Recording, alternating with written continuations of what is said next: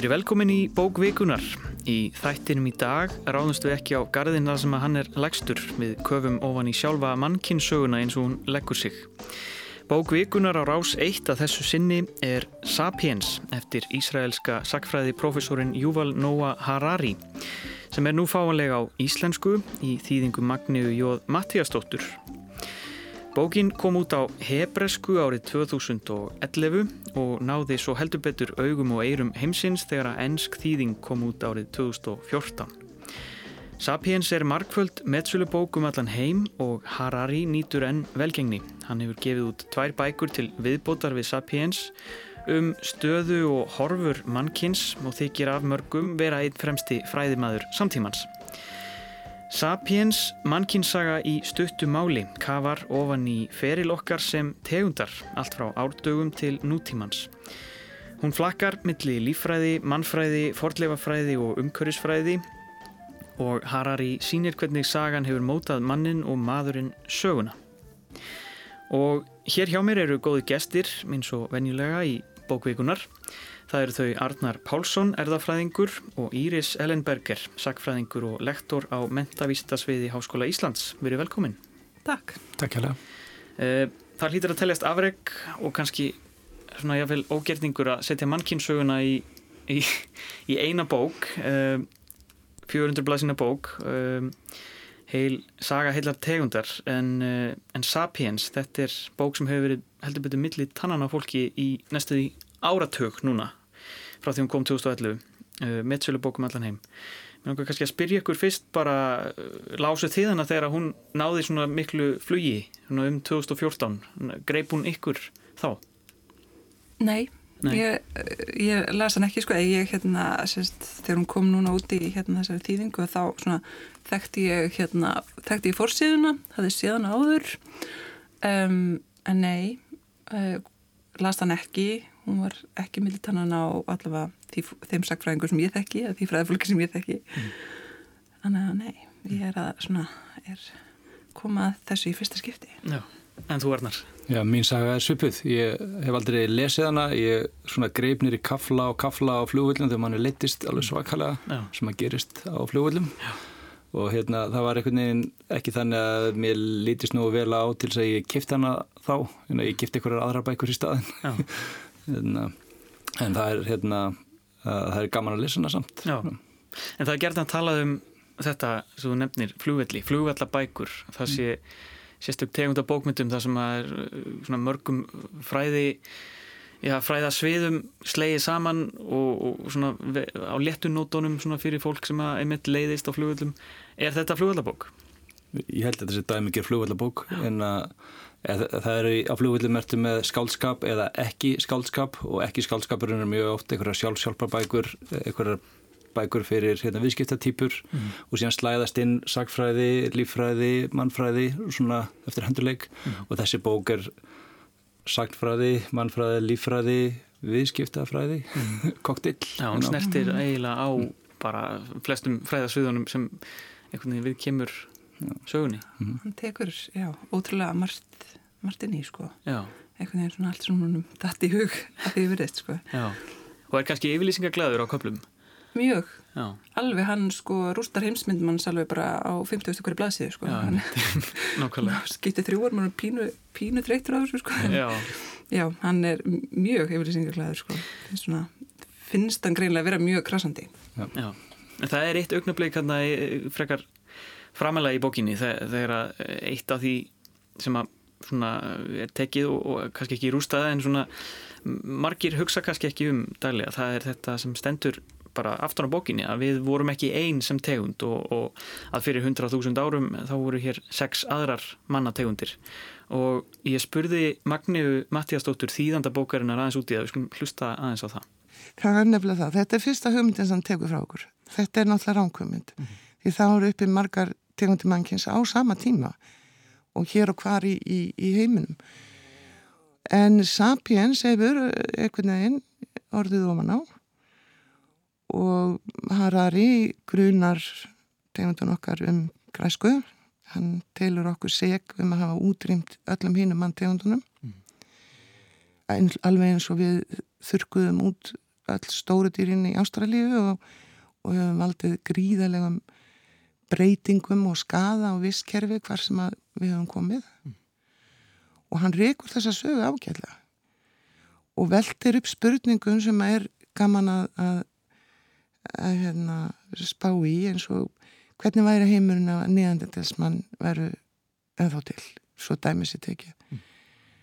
og væri við kannski þá væri þá rasismin okkar myndan beinast gegn nýjandendelsmannu fyrir ekkar heldur en fólki öðrum hörumslitt það er svona ímislegt eh, það sem er kannski mestu styrkur þessara bókar, hún kemur að velta fyrir sér alls konar spurningum sem að hafa ekki bært kannski mikið á sér að því að það er svo ótrúlega margt sem við lítum á sem algjör sannendi til dæmis þetta með að við höfum þróast frá einhverjum apa, svo kom Lucy, svo gerðist, svo kom þetta og og mjög gætna leiti svo á að, að sko neðandilsmenn hafi bara verið eitt stig á þróunaferðinum og svo kom Sapiens. En þannig er það alls ekki. Já, þarna talaði Magni um manntegundirnar sex sem að voru hér fyrir 100.000 árum uh, eða svo.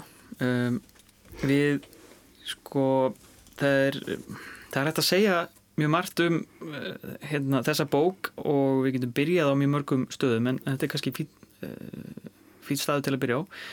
Um, hvernig var heimsmyndin svona þegar, þegar á þessum tíma sem hún er að lýsa? Við erum, við erum ekki einn og við erum svolítið með þessa hugmynd, þessa mynd af mönnunum, stig af stígi þá til að verður alveg uppréttur og það eru við í dag.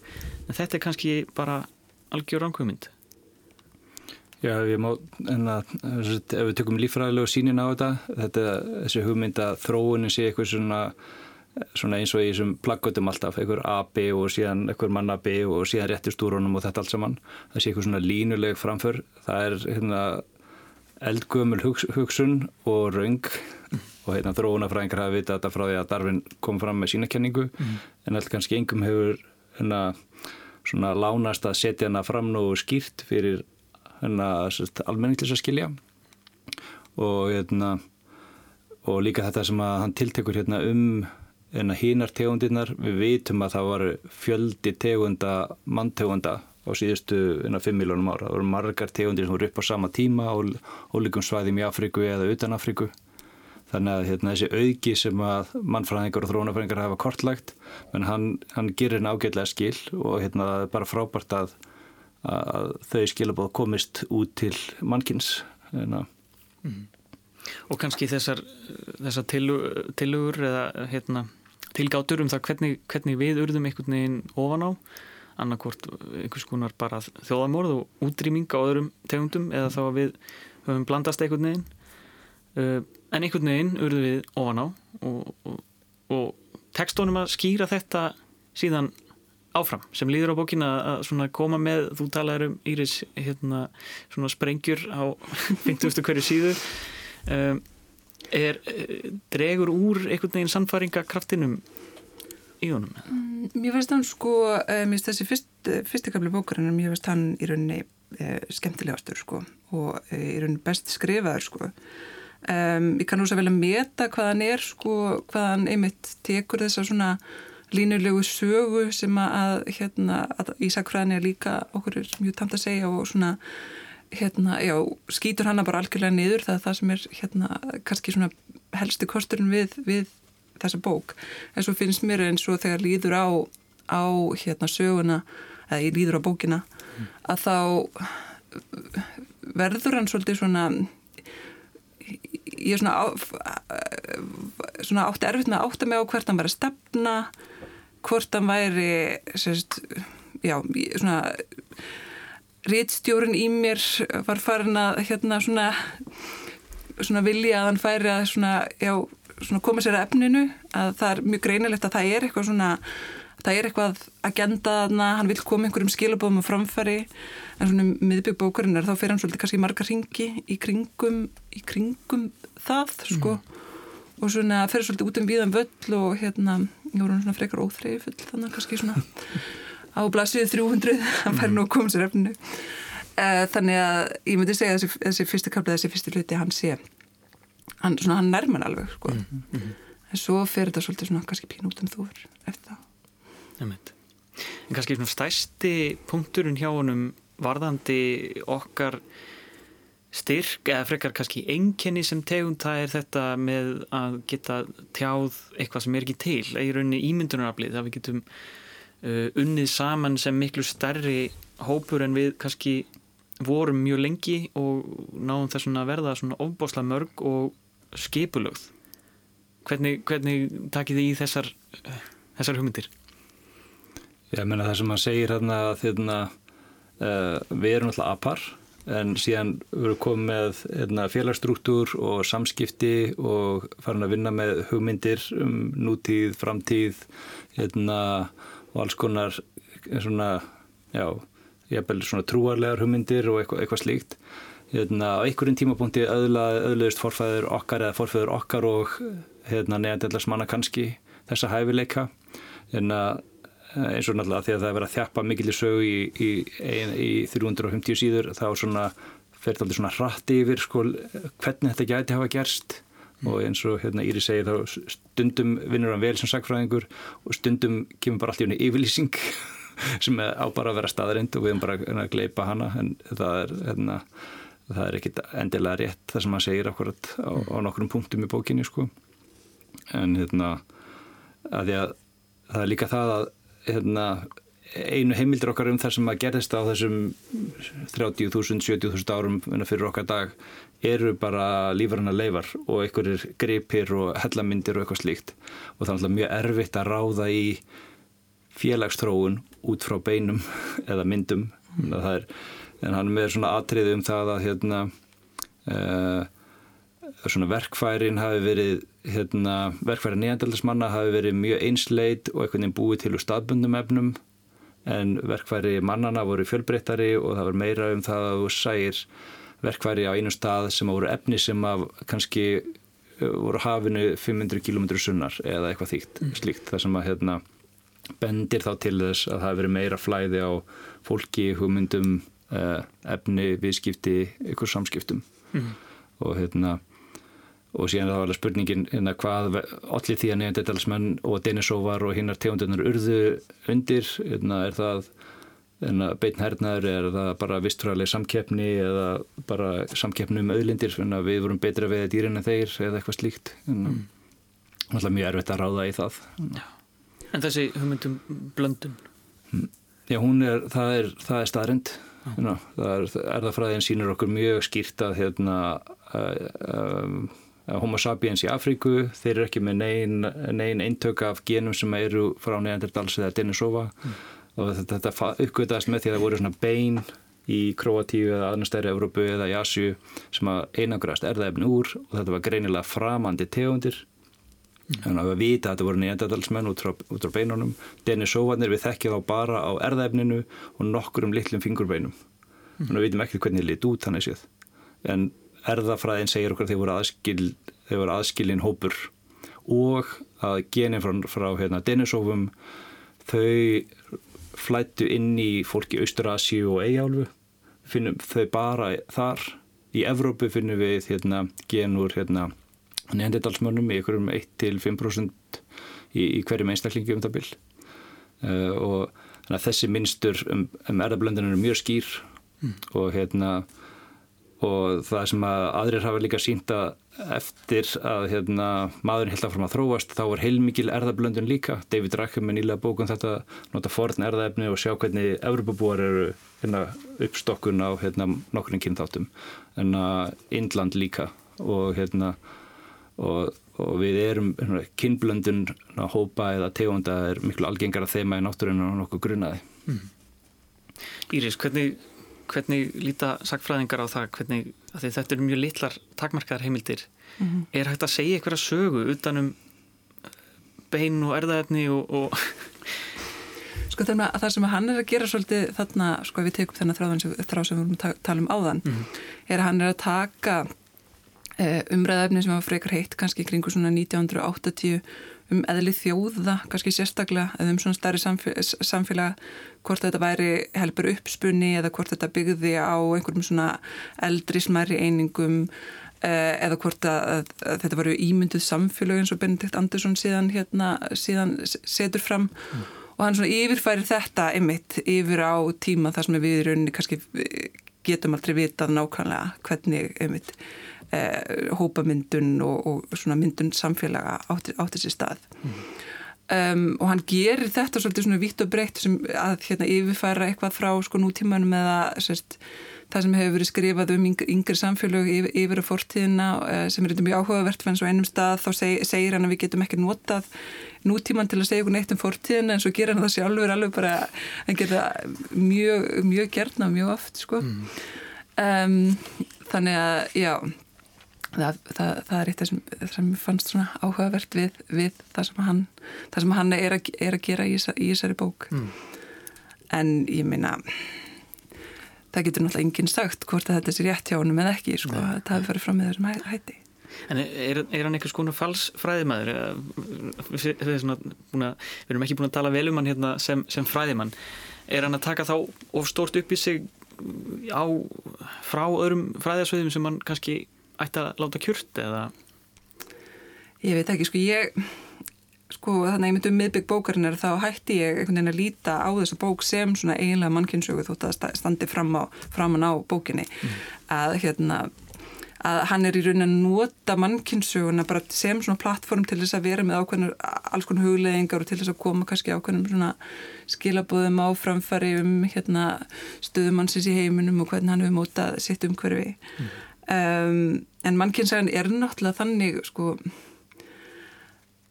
þú getur ekki gert en skil á 400 blæsjum og heldur ekki á 400.000 blæsjum sko.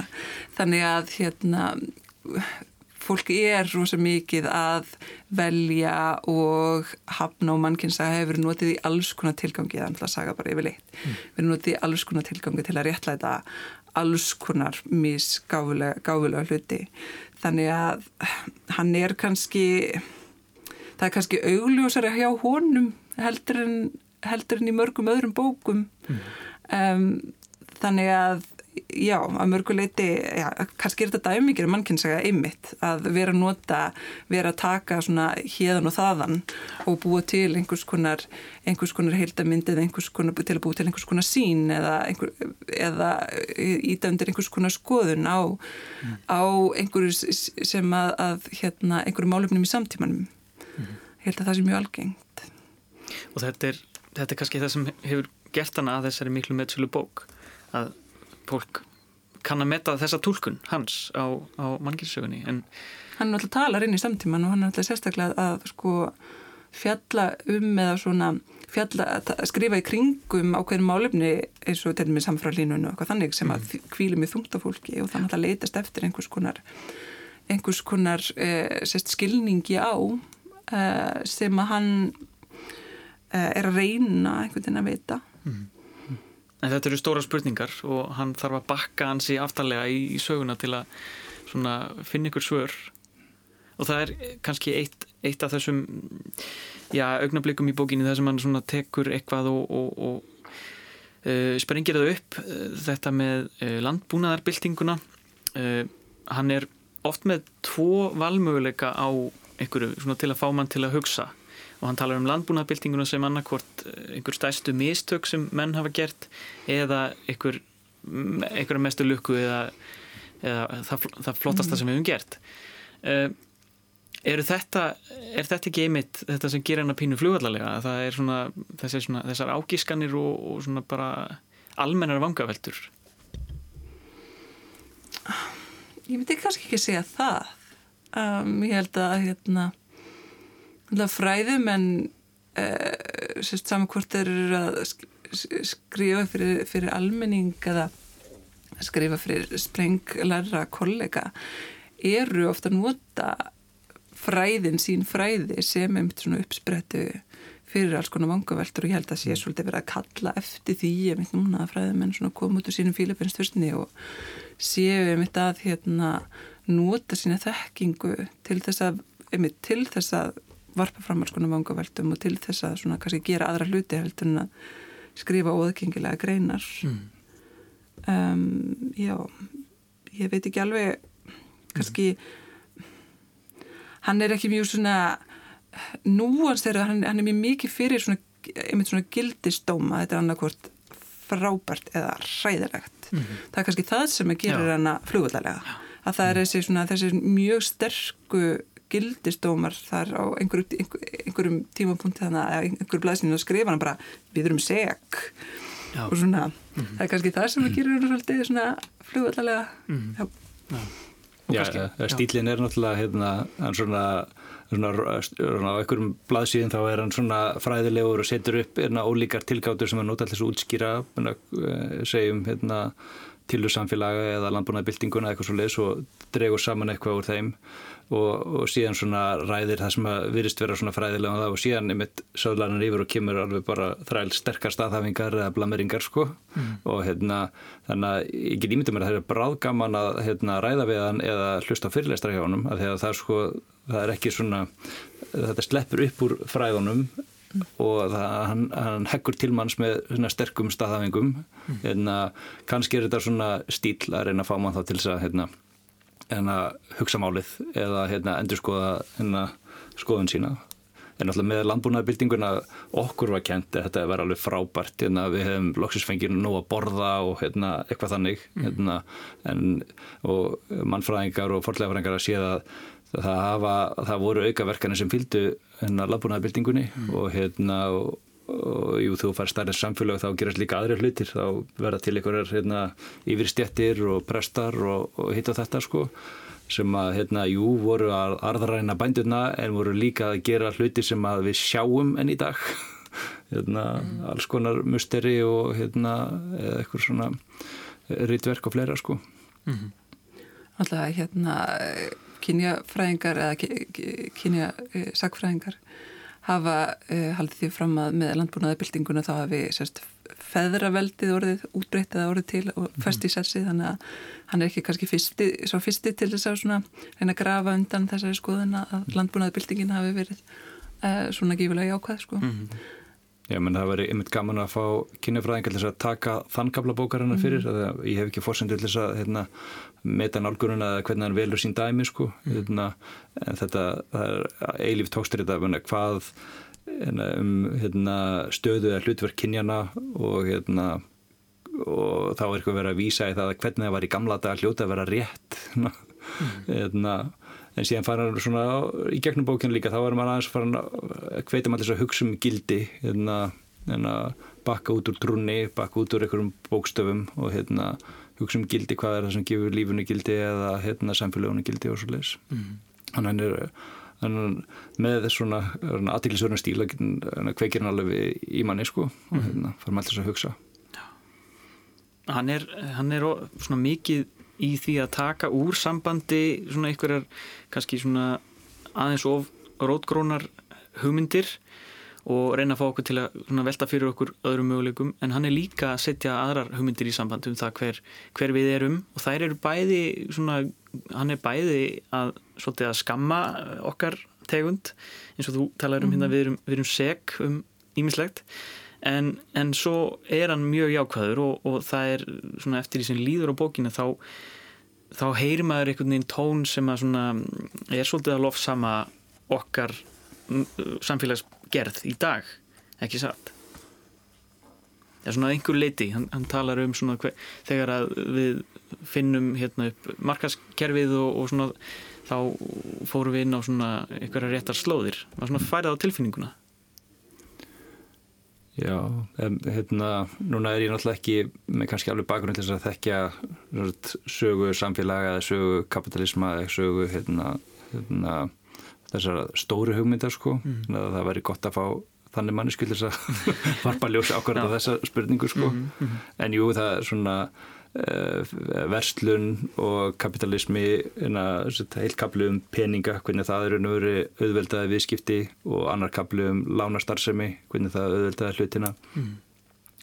Uh, og, og það var mikið velta fyrir sig hvað gerist í Evrópu 14, 15, 1600 en að því að tæknilega stóðu kannski indversku eða kínversku veldin á svipnum stað en af hverju varð hérna, könnunarsagan evrósk en ekki kínversk mm. hérna, könnunarsaga veraldrar mm. hérna uh, það er svona það sem að ég kannski saknaði smá þess að hann talar ekki um Gutenberg og pressuna að það að hérna í Európa var til tekni til þess að fjöldaframleiða rítmál og dreifa því og hérna og þá með, með þeirri hérna, uppfinningu þá virkjast hugar um alla álfuna og þú getur flutt hugmyndir á milli manna og hérna, tungumála og, og fleira sem að kannski var ekki jafn auðvelt í hérna, Kína eða Índlandi hérna.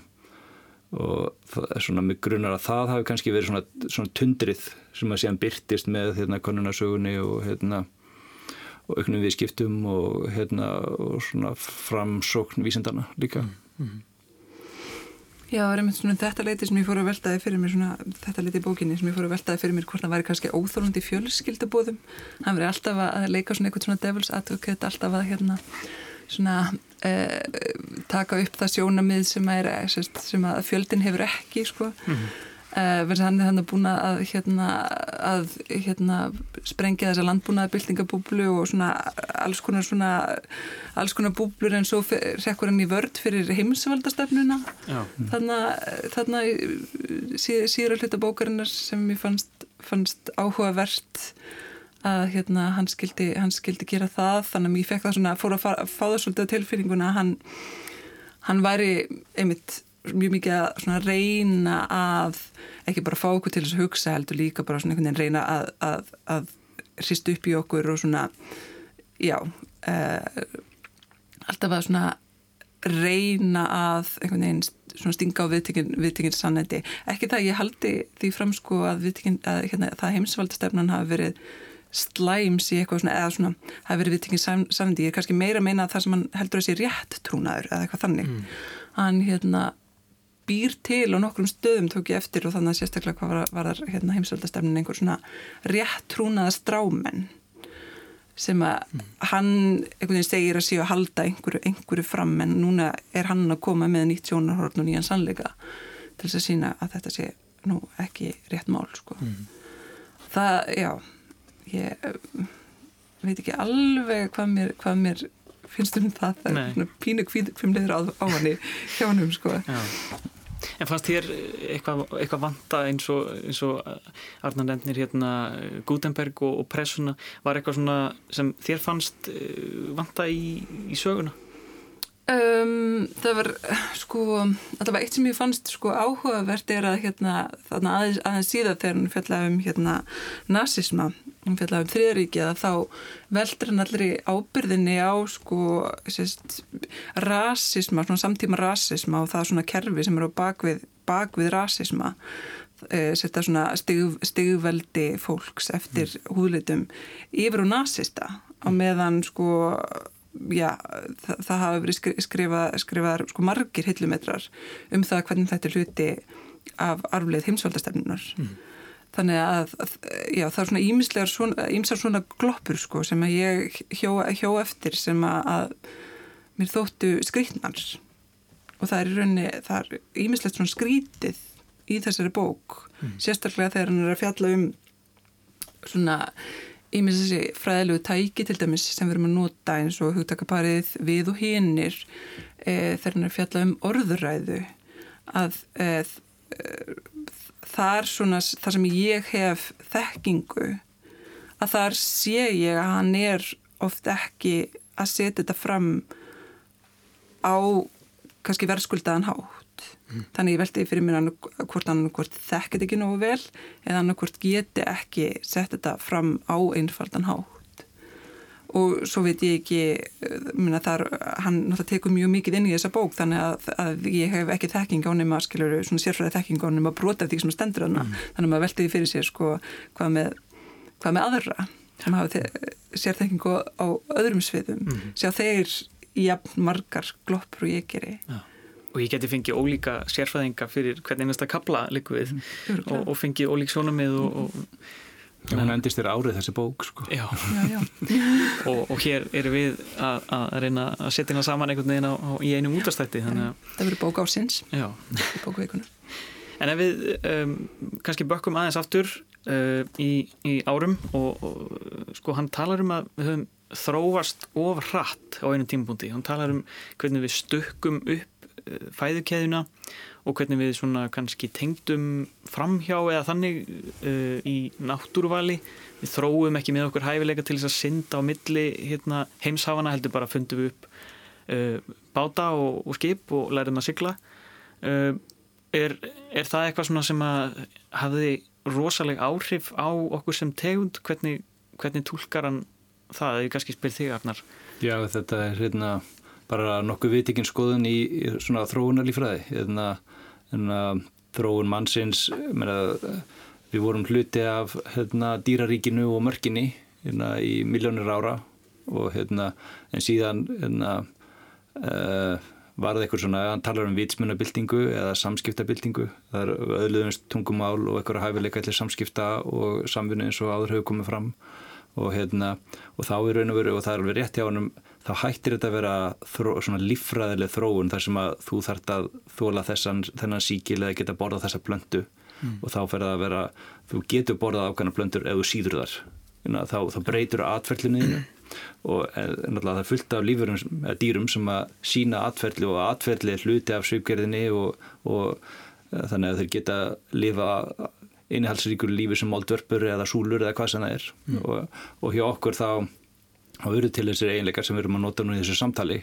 að geta svona, hugmyndir og, og samræðu og svona, flytja hugmyndir á milli og allt þetta.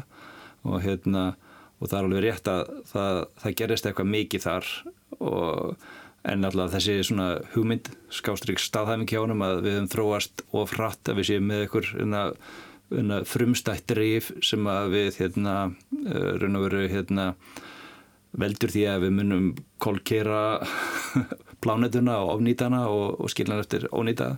Menna það er uh, það kann að vera rétt hjá honum. Menna hann samt minnist á þetta svona í framhjólöpi á nokkrum stöðum. Menna kannski myndi hann skrifa þessa bóku öðris í dag af því að núna er einhvern veginn en að verist heimurum verið að koma nær því að átta sig á hvað lofslags breytingarnar að hamfæriðnar eru menn kannski myndi að skrifa bókinu öðris í dag mm. Mm. En hann tekur nokkuð dæmi um það hvernig við erum svona höfum, já, valdið skafa kannski án þess að vita af því. Við svona gerðum tókum skref fram á við að einhver leiti og öllum einhverjum skada í leiðinni. Og, og það er kannski það sem að við erum að átt okkur á núna. Við erum að með, hérna, með innbyltingu og, og öðru þá erum við að valda lofslagsbendingum en við erum að átt okkur á því í dag sem mm. við gerðum ekki þá. Já, og, og það er hluta því sem hann talar um hérna undir lokin að við séum svona að uh, komast inn í eitthvað sem að uh, mætti kalla vi, uh, vitræna hönnun í staðin fyrir náttúruval er, er það of stór erum við komin úr náttúruvalinu? Já, sko, lífrængar hafa verið að deilum þetta hvort að hérna, náttúrætt val eigi við mannin í dag hérna, við, hérna, skipti ekki máli hver fæðist allir lífa en það er samt ekki þannig, það eru genagallar sem að því miður leiða margar til dauða og, hérna, og við pössum ekki fullkomlega inn í til, tilverun okkar, hérna, við erum alls konar kvilla sem að hérna, hrjá okkur.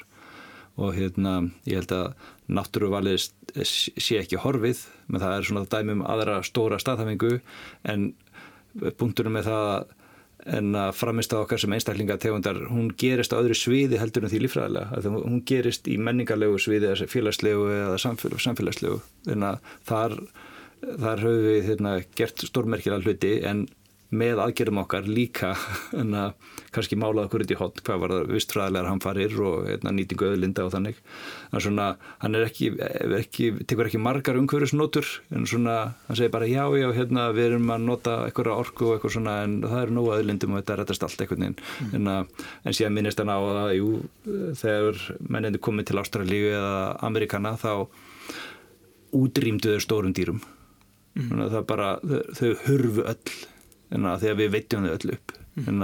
þannig að náttúrulega góði indjánarnir í Ameríku þeir voru ekkit svo frábærir að þeir eru útrýmt öllu stóri dýrónum en að róttalega um þá sem eitthvað svona enna, fína og fallega frummenn sem við vesturlandamenn spiltum og eðluðum allt fyrir, menna þeir voru búin að drepa stóri dýrin áður en að hérna, vesturlandabúðinni komu mm. En svo gleymir hann að minnast á þá þegar hann fjallar um sko, umhverfis á, áhrif hérna, vesturlandabúa þegar já, þeir já. mæta á svæðin og valda grí, gríðalegum um, umhverfis áhrifum og hérna og því að hvað einan 150 ára eru hvað 80-95% af öllum sem að voru innfættir að þeir eru dánir sko. já, þannig að gleymur að minnast að þá þegar, þegar hann fjallar um hérna þannig að það er einmitt í hjá eftir því á nokkrum stöðum hann er sko hann kallar þetta mannkynnssögu en hann er mjög eurocentriskur mm. mm. á ákveðnum stöðum sko. Hvernig þá? Já eins og til dæmis að, að, að, að þessu leiti að hérna, gleymir því að það var hérna, svona, þegar hann er að fjalla, fjalla á þessum stað, stað sem er að tala um gleymir því að það er það var fólk aðna fyrir, þetta er ekki bara spurning um áhrif á sest, náttúruna, sest, á plöndur og, og hérna, umhverfi heldur líka á fólk. Og svona já, á ímsum stöðum þá sér, sér maður það að hann bara fjallar miklu meira um sérst Evrópumenn þegar við erum komin þannig á, á ákveðin stað og gerum mjög mikið úr, þess, úr hérna, þessum eh, landkunnunar leiðangurum Evrópumanna eh, þannig á hérna, undirlók eh, 15. aldar eh, og terur þau eitt hvað stærsta stórverki mann, mannkynnsugunar eða ég veit ekki hvað uh, sem eru náttúrulega já, þetta voru náttúrulega vissulega stór mál en svo náttúrulega líka hefur fólk farið í landkonnunar leiðangra á flustamilli staða yfir hafum mjög langa leið á sko litlum bátum eða sko flekum áður sem mm. voru ekki Evrópumenn, hann minnist ekki þá til þess að þannig að svona, það er ímislegt svona sem maður sér sko það sem maður getur það sem, að, hérna, það sem ég sá á nokkrum stöðum voru glæð sko fleiri geta benta á fleiri mm. atriði sko En hvað fannst ykkur um þessa spádómskabla? Hann svona undir lokin er farin að spá svolítið í spilin um það hver, hver, hver staðan er í dag og hver framtíðin geti orðið og hann tekur eitt svona, svona á einu stað segir hann að við í raunni gætum dáið út og þá myndi bara, það væri þá gott fyrir bara einhverja aðra tegund kakalakkar og það er róttur sem myndu bara í sem segjuverar og, og, leit, og svona lítur kannski á þetta sem ekki með eitthvað svona mannmiðuðu hérna, sjónarhóttni Hver, hvernig lesið þið í þessar svona, þessar spátumskabla? Já, ég minna það náttúrulega kemur, kemur náttúrulega inn á það líka hann er myndið alltaf að fella, fella þessar svona fella þessar svona gildis sko dóma ef að maðurinn deyr út að þá eru mögulega bara eitthvað annað sem við tekur við sko, mm. eins og ég minna dýr sem hafa verið áður á topi fæðukjörnur hafa dáð út og þá er eitthvað annað sem tekur við. Það er freistandi einhvern veginn að tólka það í dag út frá, það freistandi í dag að tólka það einhvern út frá loslasbreytingum sko, það eru margir sem að já, já, að, hérna, margir óttastleiknir með svona loslaskvíða og, og fleira